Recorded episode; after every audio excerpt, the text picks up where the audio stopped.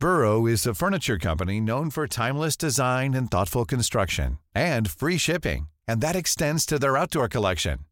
Their outdoor furniture is built to withstand the elements, featuring rust-proof stainless steel hardware, weather-ready teak, and quick-dry foam cushions. For Memorial Day, get 15% off your Burrow purchase at burrow.com slash ACAST and up to 25% off outdoor. That's up to 25% off outdoor furniture at burrow.com slash ACAST. Since 2013, Bombas has donated over 100 million socks, underwear, and t-shirts to those facing homelessness. If we counted those on air, this ad would last over 1,157 days. But if we counted the time it takes to make a donation possible, it would take just a few clicks. Because every time you make a purchase, Bombas donates an item to someone who needs it. Go to bombas.com slash ACAST and use code ACAST for 20% off your first purchase. That's bombas.com slash ACAST, code ACAST. Alltså det är sån ynnest i livet att få träffa dig en gång i veckan, minst. För det tror inte jag ens dina egna kompisar får. Dina egna barn får. Exakt, inte ens dem. Nej men förstår du vilken lyx att få ha dig en gång i veckan? Det är typ det bästa beslut jag har gjort tror jag. Är det sant? Ja, jag är så glad. Alltså jag är så uppfylld inför alla de här mötena. Du gillar mig så mycket alltså? Ja, jag älskar dig, det vet du. Men jag blir så himla glad för det kommer alltid något bra härifrån. Ja, men gud vad bra. Har podden börjat eller? Jag tror det. Ja. Välkomna till Lille Lördag. Halleluja!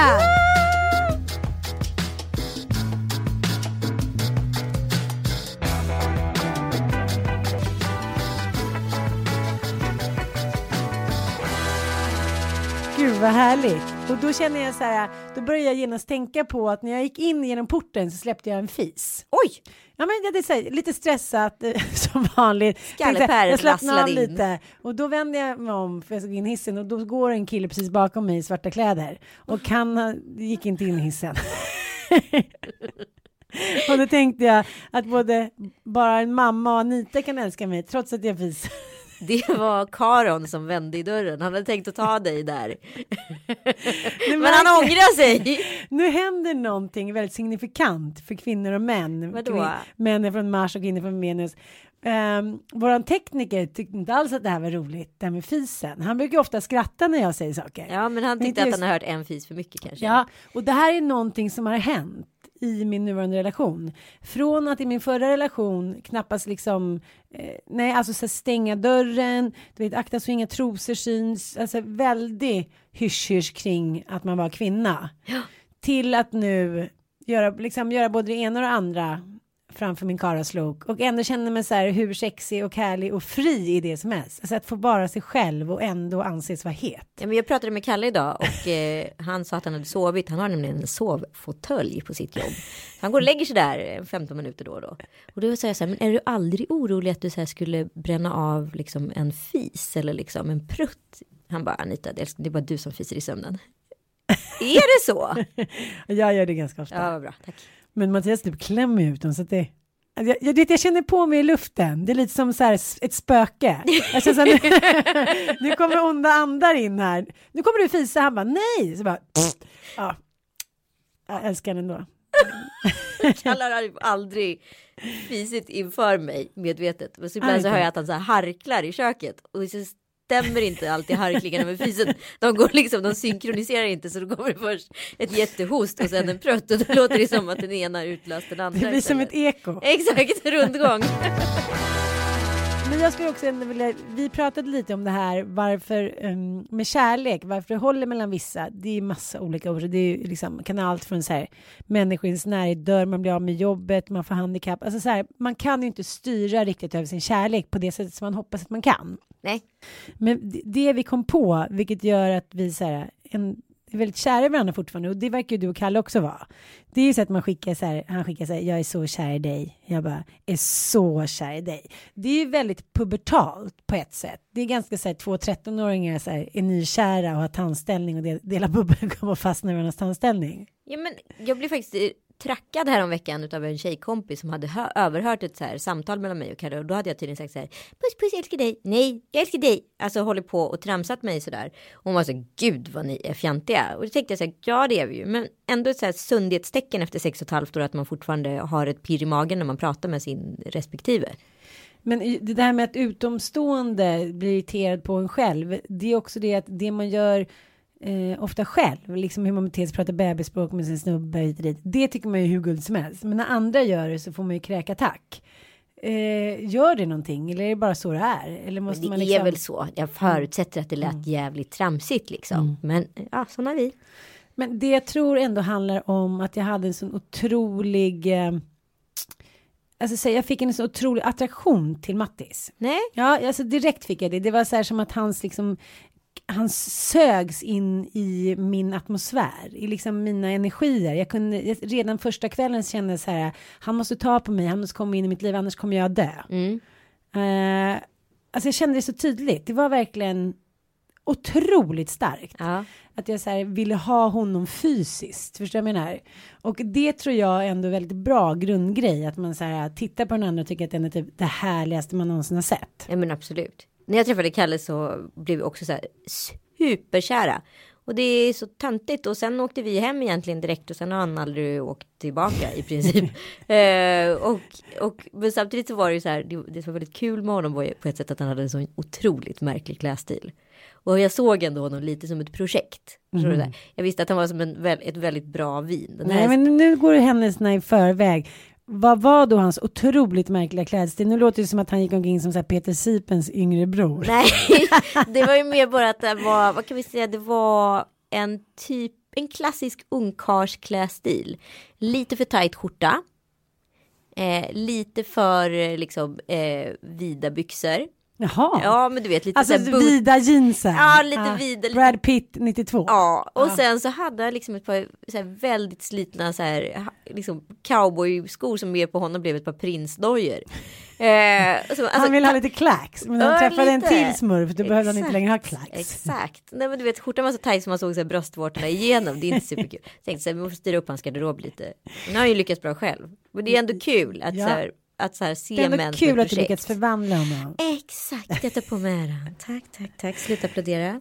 Nej, men det var lite kul för att jag eh, träffade en kompis häromdagen och hon, eh, jag menar, nu låter det som att hon är 14, det är hon inte, hon är så här 38 typ. Men hon sa det, det gick liksom inte. Det du sa han, jag bara, vad har jag sagt? Ja men så här med hans klädstil är det att han är lite så här, har lite fel stil. Ja, det gick inte längre. Jag bara, va?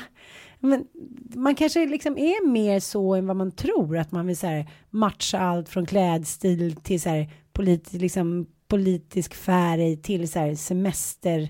Man kanske trivs bäst och vara väldigt lik någon till skillnad mot så här opposite attracts. Jag tycker precis tvärtom.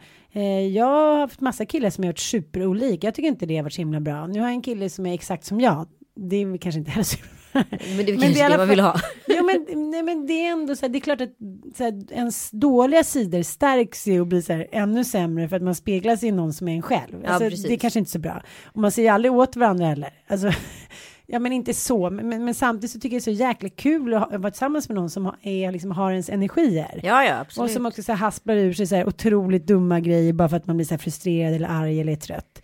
Som nu när Bobban är sjuk. Han gjorde ju modelldebut. Ja, Hon är så gullig. Mattias kompis Maria D har ju faktiskt världens roligaste affärsidé. Hon har ju då kontaktat pensionärer i Dalarna. Eh, nu har det blivit över hela Sverige. Som då stickar hennes grejer. nej, Ja, jag ska faktiskt göra lite reklam för henne. Delicious. Det är den tröjan jag har på nu. den är hur Eh, fin som helst. Ja, så då sitter de liksom och eh, ja, men hon designar. Den här är ju college och stickning. Så stickar de mössor och vantar och kläder och hit och dit. Och sen så liksom delar de på vinsten. Jag Ja, tycker det, ja, och då skulle ju Bobban då eh, premiärmodella och han tycker han, han är så snäll. Så, Exponerar du ditt barn nu? ja, det gjorde jag. Ja, Aha, och Mattias var också modell. Blir du smutsig i själen? Nej, men vadå smutsigt? Det är för en kompis. Jag det är något helt annat. Jag skojar. Jaha, Ah. ah, just det. Ja, Mm, ungefär som prinsessbröllopet. precis. Mm, det är något helt annat. Men han, han är så samarbetsvis. Han satt ju på den där lilla stolen satt där med sin ballong. Så nu är han jättesjuk. No. Jo, men det är också du vet när det går över den där gränsen. Han har velat kolla liksom på Barbapappas snuttar från Tjeckien. Ja. Vet, Nej, det verkar vara hans ja, favorit. Ja, men nu i natt så hittade vi en ny. En från Holland. Blev ni glada då? Ja, då började jag faktiskt skratta. Ja. Kommer du ihåg den? Kommer du ihåg den? Sni, snor, snappi, Ja. snappi, krokodil. Ja, den. den. Den ska jag spela för honom ikväll. Ja. Nej men till slut så börjar man känna sig, jag älskar den här ungen. eller gör jag inte det? Du vet när timmarna går, man bara, men sov då för fan. Eller sluta vilja kolla på så här då, många är också så här avfilmade, många bara Ja just det, avsnitt, så, det är så så här, skakig handkamera. Och så blir man ju tokig om det är fel avsnitt man tar fram, det är Men ett han de är hatar. helt också så här, de kan ju inte kommunicera vad som är fel. Nej. Men de bara kan berätta att det är fel. Aj, aj, säger han. Aj, aj. Som alla har ingen språkbegåvning överhuvudtaget. Det enda ord han säger är mamma och det säger han till allt. Ja, ja. Men alla kan ju inte få Einsteins liksom. Nej men du, eh, vad sa Mattis då? Nej, då sa Mattis här, han blir ju väldigt snabbt, eh, ja, eller i och för sig, vi, vi är lite trötta just nu så att vi, vi, ja, vi är båda liksom, ja, man säger saker som man inte menar och just när det gäller såna här grejer så sitter det faktiskt inte kvar i själen till skillnad mot att man säger taskiga grejer inom kärleksgebitet så kan man ju faktiskt, eh, men då sa han så här eh, till mig igår då så här, eh, när klockan kanske var elva. Och jag skulle, då tyckte han att nu skulle jag bära Bobo och det orkade inte jag så jag låg bara kvar så här apatiskt i väggen och bloggade lite typ. Han bara, det är tur att jag älskar dig så här mycket för det är samma sak varje kväll. Typ att nu har vi haft en sjuk son en hel kväll och nu är Ja. livet, så nu är det småstads, liksom nu är det småstadsaktigt. Nu är det, um, det här är småbarnslivet. Det är tur att jag älskar dig så mycket eftersom du nu har gjort att vår son är sjuk, eller vadå? Eh, ja men typ. Förstår du känslan? Ja men de är ju såna jävla dramatanter män på nätterna, förlåt. Det är, åh gud jag orkar inte. Och så det här uttrycket, jag klarar inte av det. Nej men som att jag klarar av att vakna 60 gånger varje natt och amma eller ta hand om barn. Nej, jag, jag vet inte, så här säger han. han får dödsångest säger han. Får han? Mm. Jo. Men jag tycker det är så roligt, jag läste en gammal så här, eh, anhörig bok om alkoholism från så här, 20-talet och då var det så här, män som har eh, kvinnor som är bestämda och har vuxit upp med mammor som eh, eh, har varit, liksom, varit hårda mot dem, de blir alkoholister, det är kvinnornas fel. Ja, Ja, det är kanske- kvinnornas fel. Ja, men det är Såklart, kvinnornas fel. Nej, men det är mycket som är kvinnornas fel Ja. enligt männen. Men jag tänkte på en annan sak, jag vill bara knyta ihop säcken lite här ap- apropå så här, män som man träffar som inte har en så bra stil. Okej. Ja. Mm. Det är ju ändå att, att här, vissa män är ju up for grabs. Mm. Eh, och de ber ju om den här kvinnan, den här starka kvinnan som kommer in och förändrar dem. Mm. Eh, det är ju liksom killen som har så här, pokalerna framme i vitrinskåpet, kanske Lasse Åberg porslinet som fin porslin. Ja men du fattar. Alltså det är så här fyrkantiga eh, har tallrikar precis och gömt undan en Lasse Åberg ser. fotografi. Check på den. Och var den här är fin. Jag bara, nej, den kommer gå på vinden lite. Katten kommer ta sig upp lite, lite hemligt en kväll. Ja. Nej, det går ju inte. Nej men det går ju inte. Men de männen är ju å andra sidan up for grabs. Det står ju bara så här. Kom och ta hand om mig. Mm. Gör om mig. Rädda mig från det här singelskapet jag inte kan hantera. Jag har sportgrejerna som är on display i hallen. Det hänger en cykel på väggen. Alltså allt som är. Jag har studentplakatet kvar. Alla de typerna av attribut som en man har i hemmet. Det är ju en kvinna som måste in och styra upp där. Under tiden det finns de här andra männen som har varit singlar lite för länge som har liksom Le Corbusier möblerna hemma. De har eh, zebramattan. Det kanske finns ett och annat spännande konstprojekt i, i hallen eller på något annat välplacerat ställe. Perfekt heminteriör och liksom det ultimata köket med någon som har tänkt på allt. De männen, de vill ju inte att någon flyttar in där och börjar möblera om eller pratar om vilka plagg som är fina och inte i garderoben. De kommer ju aldrig bli ihop med någon på riktigt och de är ju redan färdiga i sin form. De är ju, trivs med att vara singlar och även fast de låtsas vilja släppa in dem så vill de ju inte det. Men har du någonsin kommit hem till en kille eh, som har varit singel ett tag och tyckt så här, fan vilken schysst ställe, vad fint han gjort, vad mysigt och lite värmeljus också.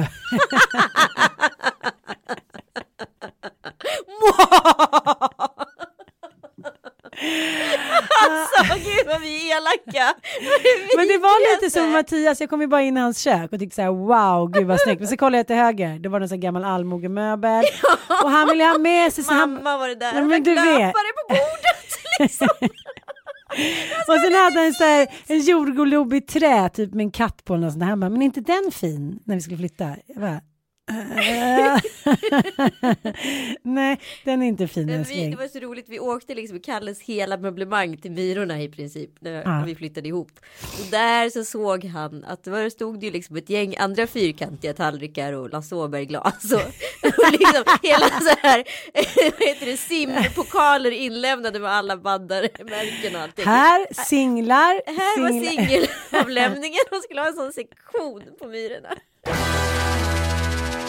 Nu kommer jag tänka på en skämskudde. Nej. Men lite. Jag vill alltid framställa mig själv, du vet, i lite bättre dagar än vad jag är. Nej, menar du? Jag är proletär. Jag är visst. kvinnan med folket. Nej, men här finns det ingen partivänster i. Nej, absolut inte.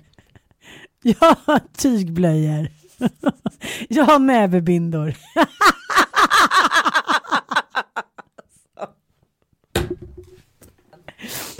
Ja, men då var det så att han var jättenära att Kjell Lönnå köpte hans lägenhet, Mattias ungefärs lägenhet, men i sista sekund så ringde han ett samtal och hoppade av. Jag kommer inte ihåg varför.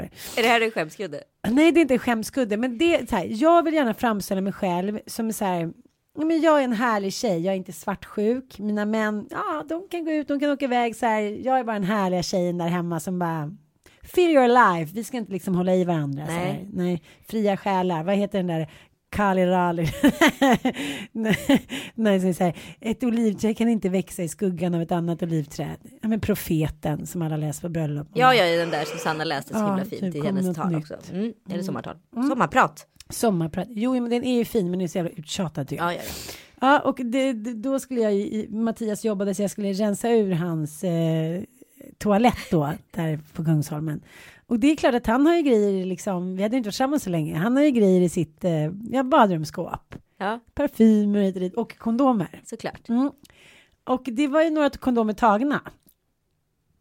Och då, då blev jag liksom jävligt irriterad på det. Så du trodde inte att han hade ett liv innan du trädde in i Jo, men det bilden? var bara två vilket jag tyckte var bra. Jo, jo, men dels kände jag så här, jaha, han såg på mig inte med liksom, han frå- ögon. han frågade inte mig om vi skulle ha kondom.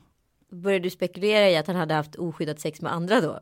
Nej, men jag har frågat så här, varför frågade du inte det? Dels kunde du ha gjort mig gravid, dels kunde du ha gett mig en könssjukdom, dels ansåg du inte att jag var en fin flicka Mm. i så fall. Det kanske inte var så skämmigt, men så här små töntiga grejer som kan så här, knirpa åt ens hjärta. Ja, jag fattar så här, precis vad du grejer menar. som man är så här, andra saker som man inte alls bryr sig om eller blir sotis på eller lite dit. Men just de här små grejerna att helt plötsligt får man ju upp den där tanken i huvudet när han har stått där så trätt på den här eh, på något eller annat sätt. Men gud vad äckligt. Ja, nu pratar vi inte mer om det. det här tror jag. Nu måste vi tyvärr sluta podda för jag måste så här åka och döda.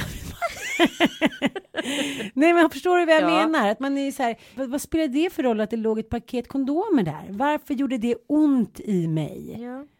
Men det är bara för att också du vill ju vara exklusiv. Och då kände du dig oexklusiv. Att han hade så här tagit en av de få kondomer han hade haft i paketet och använt med någon annan. Mm. Han kanske bara lyxrunka, vem vet? Ja, man kan ju ljuga för sig själv. Ja, så nu har jag bestämt att det var därför. Ja. bra. Jag hörde förresten om att... har ni inte letat med någon annan alltså? Nej, exakt, det var oskuld när jag träffade dig. Men du, jag hörde förresten en ganska rolig grej från Manne Forsberg. Jaha. Att det är väldigt Manne skönt. Forsberg, alla vet inte vem det är. Nej, men jag gör den här Mom Enough med honom. Om ni inte sett det förresten, kolla gärna på familjeliv.se. Det går med varje tisdag nya program. Eh, men då berättar han att det är väldigt skönt att väldigt många män till att börja med runkar på jobbtoan. Jaha. Ja. Sen så berättar han också att det bästa stället att runka på är på tåg. För det här gunget. Du-dum, du-dum, du-dum. Det är tydligen jätteskönt i pungen. Jaha, okej. Och då tänker jag, vad, vad gör de av det där som kommer ut? Jag vet inte, de kanske kastar ut genom fönstret. de kör en långsats, de bara Woo! Nej, men jag tänker på det så här irrelevanta hämnd, hämndaktioner. Ja, Som jag hade varit, jag var tillsammans med en, kille typ när jag var 20 och jag, ja men du vet, så här, det var man ju tyckte det var lite kul att prata om sex, eller det tycker man fortfarande. Och jag var så här, jaha men jag är bortrest eller hit och dit så här, runkar du då liksom? Här, Nej, absolut inte, det gör jag inte, det behöver jag absolut inte göra som jag har dig och så här, jaha, mm, titta ändå det var lite konstigt liksom. och sen hans hem när det tog slut. Förresten, det där du frågade om jag runkar, jag har gjort det sen vi blev tillsammans. Okej, okej. Jag fattar. Nej men du vet såna grejer som man tycker, jaha.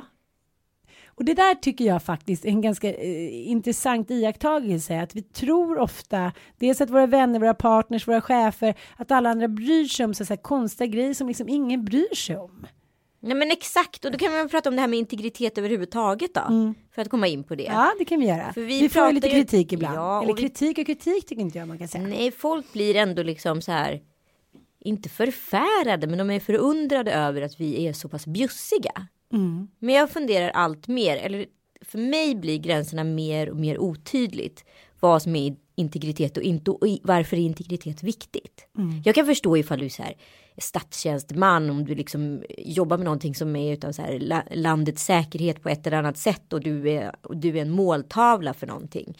Då kan jag förstå att man behöver ha integritet. Men varför måste du ha integritet annars? Om du inte har någonting att skämmas för och inte ha liksom fular dig. Varför är det så viktigt att ha hög integritet?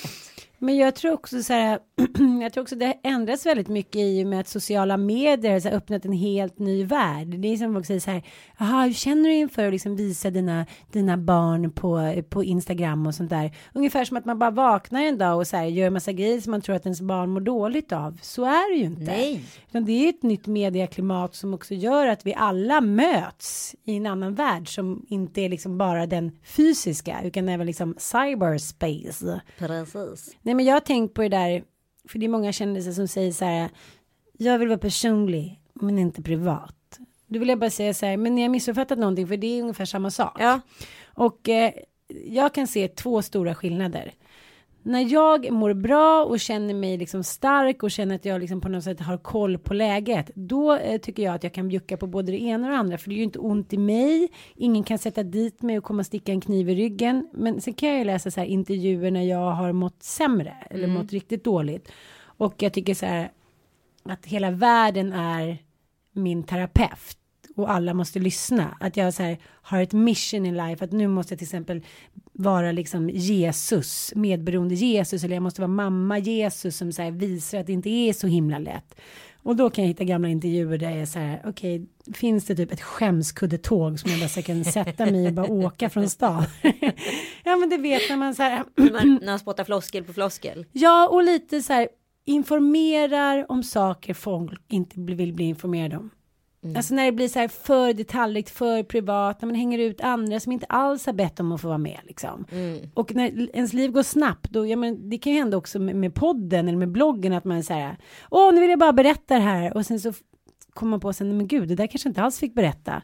Men det där får man ju vibba av lite, men när man mår dåligt, då är man ju bara som ett läckande såll. Ja, alltså jag är ju väldigt utåtagerande i min liksom, person på alla sätt och vis. Jag mår ju bra av att prata och prata av mig saker. Och sen så kanske inte jag alltid är super eh, på att här, säga vet, ha den här höga integriteten och säga rätt saker till rätt personer. Och ibland så när man är liksom ledsen och sårad då kanske så, fel saker kommer ut till fel personer. Och det är jävligt jobbigt tycker jag. Absolut, och det får man ju ofta sätta upp sen. Det kommer ju som ett brev på posten förr eller senare. Mm. Det tycker jag är tråkigt för att jag tycker på något sätt så känner man ju på sig när någon pratar för mycket eller säger för mycket att så här någon människa som mår bra och har den här liksom vad ska man säga integritetskollen eller filtret. De vet ungefär hur långt de ska gå. Men vissa människor eller, gör ju inte det och det blir bara liksom väldigt jobbigt för alla som lyssnar. Ja. Att det är så här, okej, du ska berätta att din kille var ett ass och förra veckan när ni gjorde det och det och som också tycker jag eh, visar ganska öppet, även när partnern är med. Ja, Pika, slag under bältet, försöker sätta dit, är liksom allmänt missnöjd och bitter. Det tycker jag kan bli riktigt, riktigt jobbigt. Ja men jag tycker också framförallt att det är ganska så elakt och så här om, om man är ledsen och typ gråter och pratar ut med någon om något och den personen kanske bara råkar befinna sig på den platsen just då man behöver bara liksom få ur sig den här in, smärtan på insidan ut och då använder den det sedan liksom i, mot en tredje person. Det är ju helt bisarrt. Alltså jag tycker det är så himla oförskämt. Men det är ju så här vissa skriver ut sådana där saker på bloggar. Det kanske är det som är skillnaden då på integritet. Ja, men om man tar en sån speciell situation som blev för Lena Philipsson Ja. efter Per Holknekt visade sig hade varit otrogen. Det var ju någonting som hon inte var beredd på. Och när, när man går i sin trygga värld och tror att livet är på ett visst sätt. och sen så helt plötsligt visar det sig vara någonting helt annat. Då är det ju jäkligt lätt att förlora fotfästet. Så här, börja använda sig av sociala medier och skriva och sen så, så vill man bara trycka på ångra-knappen och då är det redan för sent. Ja, ja visst. Det är jävligt läskigt alltså. Ja men det är precis som att så här, när du väl har liksom anmält din man för misshandel. Mm. Då är ju liksom häktningsprocessen igång. Du kan ju inte ångra det där sen. Nej nej, ja, jag ångrar mig bara. Nej men då är det någon annan som har tagit ansvar för det här. Så Mm. att sociala medier funkar ju som någon typ av väldigt, väldigt korrupt rättspatos. Liksom. Men jag är i och för sig förvånad över att man inte använder liksom sociala medier mer som personlig vendetta. Till exempel så här, kolla min blåtira som jag fick igår eller det, det har man ju inte märkt särskilt mycket av. Nej, nej, det borde ju komma mer sådana. För så kanske man blir helt lite för galen, tänker jag också. Nej men jag tänker på de här eh, unga killarna som körde ihjäl sig samtidigt som de filmade. Ja, just det. Och så valde deras eh, anhöriga att eh, visa det som en, av, en avskräckning. Det var ju ganska dramatiskt. Jag blir väldigt illa berörd Ja men otroligt illa berörd. Men, men där tycker jag ändå att man använder, det var ju väldigt privat den där filmen. Ja, men det var helt rätt syfte. Ja det tycker jag också. Okej, men vad är dos and don'ts då Ann, på integritet på nätet? Nej men jag tycker överlag, jag bara känner det mer och mer att vi som eh, medmänniskor tror jag så här, man känner ju när någon snackar på för mycket. Men därifrån till att liksom gå fram till någon och säga så här, vet du jag tror du skulle må bra av att så här, ligga lite lågt nu. Är ju steget väldigt, väldigt långt. Ja, det är ju men- så här, säga till andras barn, säga att någon har en dålig relation, säga att någon verkar galen, liksom hur jävla lätt är det? Men jag önskar att det kunde vara lite lättare. Ja, men samtidigt är man ju också så här drabbad av galningar då och då. Människor som man tror är snälla människor. Och sen så visar det sig vara liksom en ulv i fårakläder som bara så här. Aha, information. Det här kan jag göra någonting spännande med. Jag har inga sociala koder. Jag kan inte läsa av några filter i samhället. Det här använder jag på ett eller annat sätt. Och man bara, åh gud, vad i helvete hände liksom? The shit hit the fan. Ja, och då tänker man att vi som vuxna har problem med det, då kan man också känna så här att ens barn som börjar komma upp i tonårsåldern, jag tycker att det är så läskigt. Ja. Så här, det finns så slutna Facebookgrupper där så 12-åriga tjejer sitter och så här mobbar varandra och skriver så här hora, fitta och lägger ut varandra. Så här, jag såg att du rökte, jag såg att du gjorde det och det. Det börjar bli liksom någon form av skvallervärld på social media för att det är så Usch. lätt att sätta dit någon. Det är så här, det måste vi säga till våra barn att det är big no-no.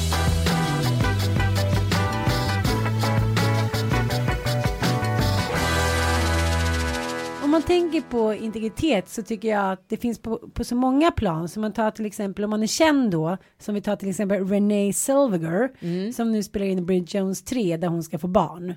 Hon är ju nu så här 46 eller 48 år. Och för något halvår sedan så genomgick hon ju en eh, ansiktslyftning. ja, det var ju ganska uppenbart. Jo, det var ju så jävla uppenbart och eh, det förändrade ju hela hennes utseende. Från att hon hade liksom lite snea ögon så fick hon jättestora runda ögon. Ja. Och alltså, hon fick ett- alltså, det var inte samma tjej. Nej, Jag tror att om man inte känner henne och skulle sett henne ute på en krog i Stockholm då skulle jag nog inte sett att det var René. men det är ju också jobbigt för hon har gjort sån här, alltså. Då blev det ett girl- ramaskri. Ja, men hon har också gjort en kavalkad av girl next door roller. Där det är så här, hon är liksom all American good. Alltså hon har varit ihop med Jim Carrey, alltså hon har rört sig i den här mellan. Hon, hon är sån otrolig superamerikansk tjej som alla vill vara ihop med. Och när hon då uppenbarligen då går och fixar fejan och blir inte alls liksom girl next door. Det blir klart att alla blir chockade. Men det, det är också så här en indikation på att det inte är okej att vara the girl next door. Hon var liksom lite så här kvinnornas sista bastion.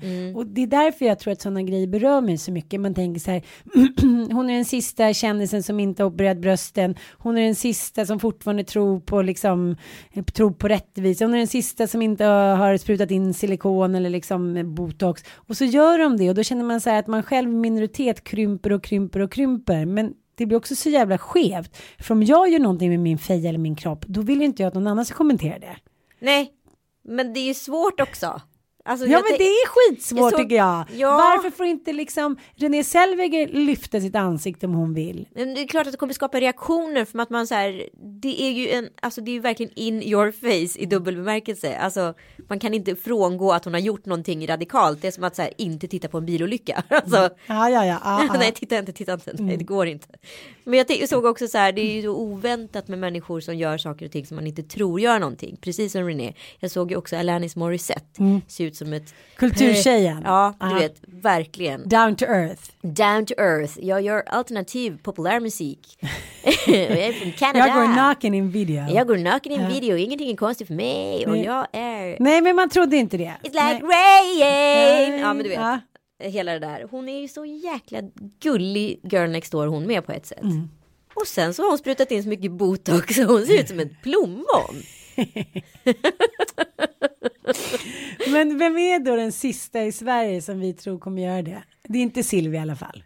Nej, Åh, vad du hela tiden ska försvara. Kolla nu, jag ser direkt i din blick. Det är så här, du börjar bli Vadå här- försvara? Ja, när vi pratar om kungahuset, du bara kan inte Sluta! prata om kungahuset. Jo, erkänn. Ja, du blir stirrig i blicken. Amerikansk high five. ja, ja, det får vara ditt problem, inte mitt. jag säger att det är Karina Berg. Den sista som inte kommer göra någonting. Du tror att det är så? Mia Parnevik säger jag. Okej.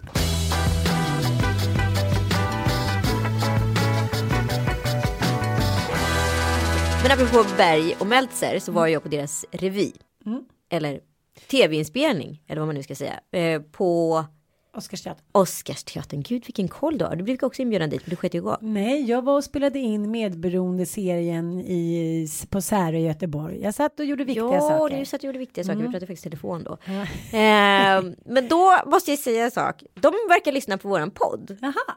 För att de har snott ett moment i deras show till våran podd. Och det är ju David Sundin som regisserar deras föreställning. Så det kanske är så att han har snappat upp det. Eller så är det Berg och Meltzer själva som faktiskt har lyssnat. Kan de inte då säga till oss ifall de lyssnar? Ja, men, du är så jävla glad att få veta det. Ja, du, så här, hela, hela den här podden har du sagt A, inte B. Vad var de hade snott? De snodde våran lek. Du vet att vi, Jaha. som jag hade inspirerats av Ja. av Jimmy Fallon. Ja. Men så hade jag sagt att man skulle ta så svenska barnvisor. Ja. Eh, Imse Vims och sådär. Och så skulle man imitera eh, och låtsas vara typ Whitney Houston eller så. Mm. Och så skulle man slå, alltså hur låter Whitney Houston och sjunger Imse Vimse? Alltså, Ja.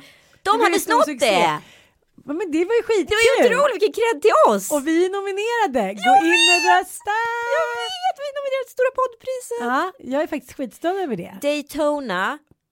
.se. Ja. D-A-Y-T-O-N-A.se. Och vi nominerade i årets bästa poddklass och årets humorklass. Och vi vill vinna någonting. Men fan vad vi vill vinna vi är någonting. uppe mot Alex och Sigge, the big horses. Vi bara, vi vill Well. vinna. Å andra sidan fick jag en jättefin recension av oss från en hemlig poddstjärna. Mhm. Att Alex och Sigge, enligt den här poddstjärnan, runkar av varandra. Och så gör många också kvinnliga poddare.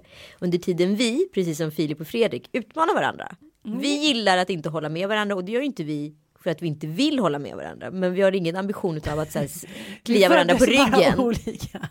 ingen ambition att klia varandra på ryggen. Tyckte jag var väldigt fint sagt. Ah, gud vad trevligt. Nu får du säga till mig sen vilken det var. Vem det Ja, var. absolut. Ja.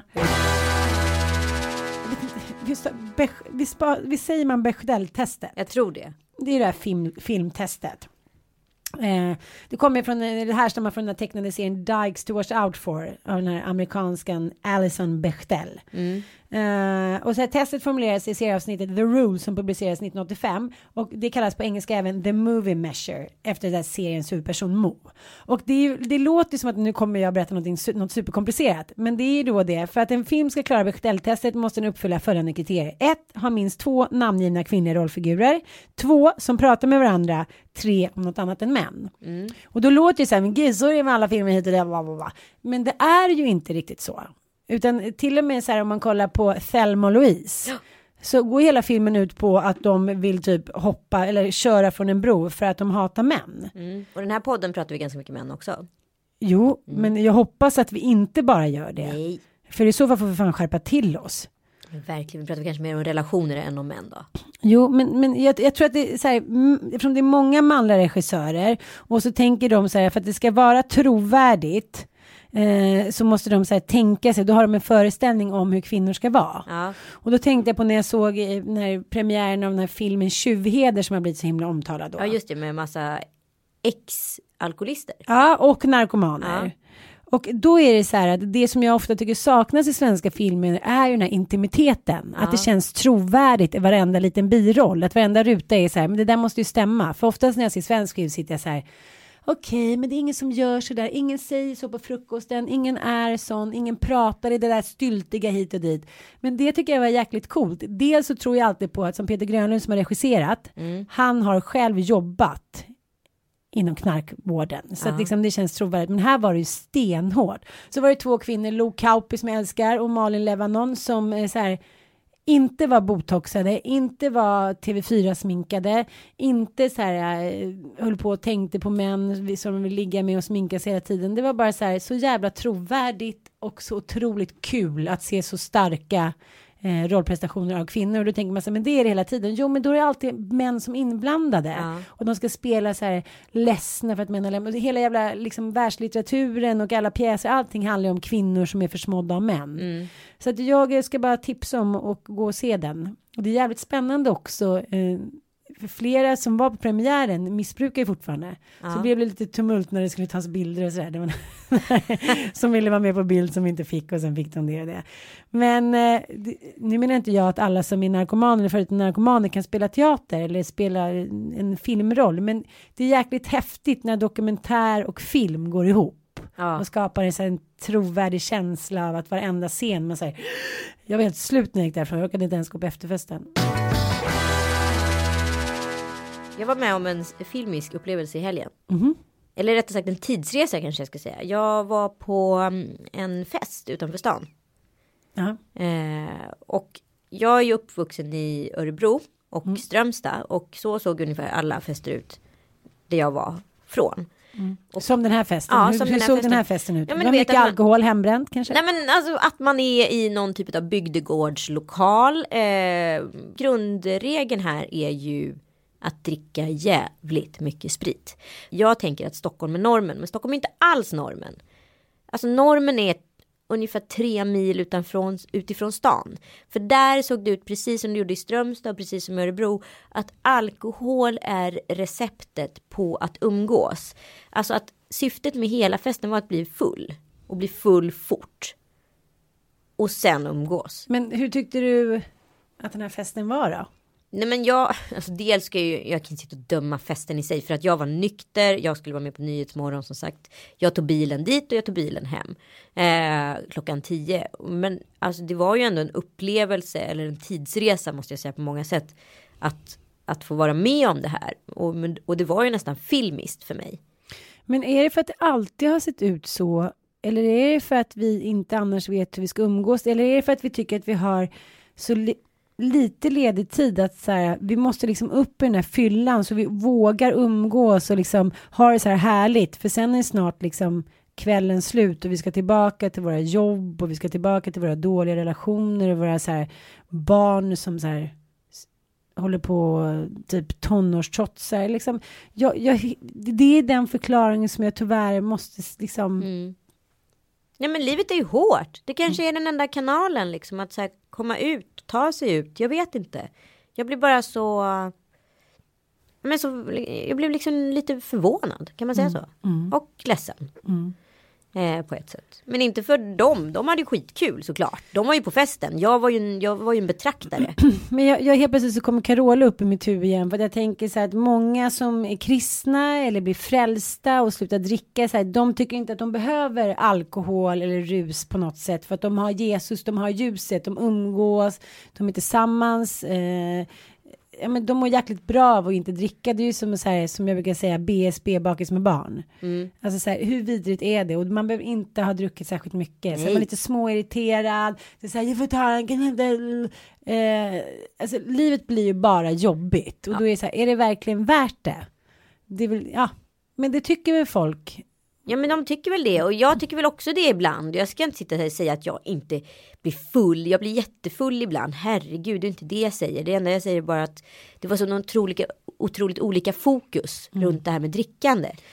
Men nu bara, ja jag förstår. Ja. Men apropå Carola, jag Ja, måste bara säga ja, en sak. Det var så fruktansvärt kul. Apropå hon var ju gäst på Berg och Meltzer. Det här får man ju se på tv sen. Och jag Vi creddade henne i förra podden för att Ja. jag hade varit på cancer, barncancerfest och hon var där med, med, med flyktingar, med, med de flyktingar som bor hos Ja. henne som hon tar med på allt. Det är, så här, det är rörande på något sätt. Ja, men det är fantastiskt och hon Ja. är ju liksom som en hon är ju fri. Hon Ja. Mm. är ju en fri människa. Jag kan bara så här, inte sluta imponeras av henne. Så hon verkar som- ju inte bli full så ofta.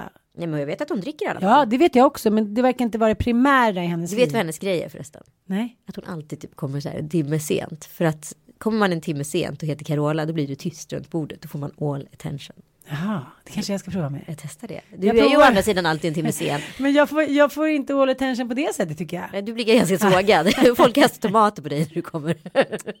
I'm not Carola. Men jag har ju också hört av människor som umgås med Carola att det är ju en posse kring henne. Ja. Det är någon aura kring henne som gör att folk faktiskt behandlar henne som en drottning och det är fan inte hennes fel. Men berätta nu. Nej men hon var ju med i programmet och då säger hon Vilket program? att Berg och Meltzer. Men alla är inte inne i din Återigen, vi har hjärna. redan sagt det här. ja, okej. Alla Ja. är inne i Anitas hjärna. Hon är nu på berg, berg och Då Meltzer. säger Carola helt Hon blir fritt. intervjuad på scenen. Som en gäst. Tack, redaktören.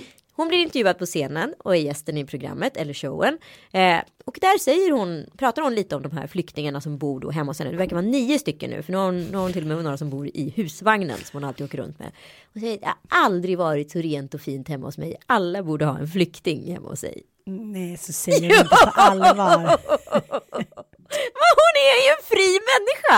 Jag älskar henne för att hon säger det! Jaha, du sa gratis städhjälp, skaffa en flykting. Och jag bara ser så här partaj nästa vecka. Carola bara, jag har aldrig varit så fint här hemma som. Men gud, men det var ju faktiskt lite sorgligt. Men det var ju också ganska härligt sagt måste jag Ja. säga. Det är kungen och Carola som kommer undan med det Ja, det är fan kungen och Carola. Knappast ens kungen längre. Jag tänkte ändå på det här med att vara liksom lantis i själen. För jag märkte, det kanske var det som var förslitningen med mig mellan de här två världarna. Att jag liksom, det var inte bara att jag gjorde en tidsresa och kom tillbaka till Strömstad-Anita eller Örebro-Anita. Utan att jag kom tillbaka till någon typ av så här dåligt samvete. Jag, jag flyttade till Stockholm när jag var 1998. Och då var jag mm, 20 år. Och vi var ju ett gäng örebroare som flyttade upp samtidigt och då var det ju så att man åkte eh, bodde här uppe och så åkte man hem nästan varje helg i början och sen så tog det väl tre månader och sen så började det bli ett år och efter man hade bott här i två, tre år då hade man ju, åkte man bara hem kanske en, två gånger per år liksom och gick på, ut på juldagen eller vad man nu gjorde. Och sen så började de här tjejkompisarna som jag hade kvar då i Örebro komma upp till mig i Stockholm. I början så var vi liksom kompisar på lika villkor och vi gick upp och upplevde Stockholm utifrån vårt lantisperspektiv. Sen blev jag helt plötsligt lite stockholmare. Så, och då hinner ju en transport inom mig ske. Så när de här tjejerna kommer upp då och hälsar på. Då ser jag liksom den här förflyttningen. Jag skäms. För mitt Stockholms alter ego som har då uppstått och som jag trivs i. Mycket bättre än att vara den här lantisen. Jag skäms för mina tjejkompisars vägnar. Att de är lite kusiner från landet, att de är lite boniga Och vi som hade lekt på lika villkor bara liksom ett halvår tidigare och helt plötsligt så var, kunde inte jag stå för dem riktigt. Och den skammen är ju så dubbel, för man vill ju vara deras vän, men man vill inte heller vara deras vän. Du tyckte du hade blivit en cool Stockholmstjej och nu så här patrasket från landet kom. Ja. Och det gick så snabbt. Och det gick så snabbt och jag skämdes ju för den transporten. Förstår du? Men jag tycker inte du behöver göra det. Jag tror att alla går igenom en sån metafor när man lämnar någonting som man förut tyckte var liksom häftigt och ballt och som man nu typ om, om du till exempel skulle flytta till New York då kanske inte du skulle tycka att så här att gå med mig och Helena på typ teatergrillen att det längre var samma strålglans kring om du stod så här snackade med Robert De Niro på en fest. Förstår du vad jag menar? Så att jag tror att det är så här, vi är alla lantisar i en, liksom i en större värld. Ja men såklart att Ja. det är. Fint sagt Dan. Tack älskling.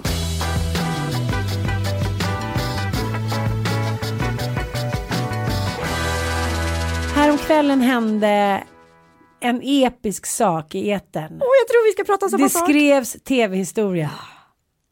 Ett, vi säger samtidigt, se om det är så. Ett, två, tre. Skavlan! Wow. Jag tycker att eh, Skavlan är ett bra program. Men jag tycker alltid så här, men varför ställer han inte de två sista frågorna så du verkligen kunde hetta till när han har så här the it shit gäster hela tiden. Då har det hänt några gånger har det varit episkt. Men nu i lördags Det skakade. Ja, först var det så här, eh, men Lars Winnerbäck och hans norska skådespelarflickvän. Nej, men så, så Men här, förlåt, jag säger- hatar Lars Winnerbäck efter den här intervjun. Nej men så, så, ta bort den där dirigentpinnen du har i rumpan Ja. och så här sätt på en lusekofta och så här. Nej men Ta alltså en vad var det för jäkla människa som satt med så dåligt självförtroende och bara försökte så här, eh, projicera över det här på massa annat Ja. hela tiden. Bara säga, är du 14 Och år? varför ska du vara med för när du bara ska sitta och se ut som att du är för mer än alla andra eller Ja, också vara nervös? Ja men sluta, ja, men, så här, nervositet i all ära, men ställ då för fan inte upp. Ja, men sen så händer i alla fall någonting att sen kommer ju älskade Felix Herngren in och ska röra om i grytan. Han älskar ju Felix Ja, Herngren. och det är det, liksom, här är han ju så snabb, han är så trygg, han är så rolig, han är så charmig. Han ska prata om eh, den nya serien som han och Klara eh, har skrivit då för Hans SVT, fru. hans fru, som heter då Bonusföräldrar va? Mm. det verkar ju skitkul, alla kan känna igen sig och det är så här helt rätt i maggruppen. Och sen ser jag plötsligt säger han då till Skavlan att Och Då är ju han Stordalen där och han berättar ju då att han har bjudit in sin exfru och alla för att vara med på julafton och sådär. Då så kontrar då Felix Mm. och säger men bjuder inte du in Persbrandt? Och att det är inte bortklippt, för det här är ju live on tape, så att de kan ju klippa om det. Men det måste ha gått in i den här diskussionen. För att, att tappa ansiktet som en av världens mest professionella och erfarna program, vilket man faktiskt kan säga att Skavlan är. Jo men han har väl Han lika är- bra line-up på sina gäster som liksom Letterman. Ja, absolut. Hur han så här, typ ögonen hamnar liksom i baksidan på huvudet, hans ansikte förvrängs. Han får lite tics. Ja. Men det var ganska episkt att se en sån stor tv-man. Jag tänkte att snart så kommer han ju återfå kontrollen över situationen. Men han fick ju aldrig det. Nej, han var liksom off resten av programmet. Men tack för att ni lyssnar. Vi älskar er och gå in och rösta på oss i Stora poddpriset. Woo!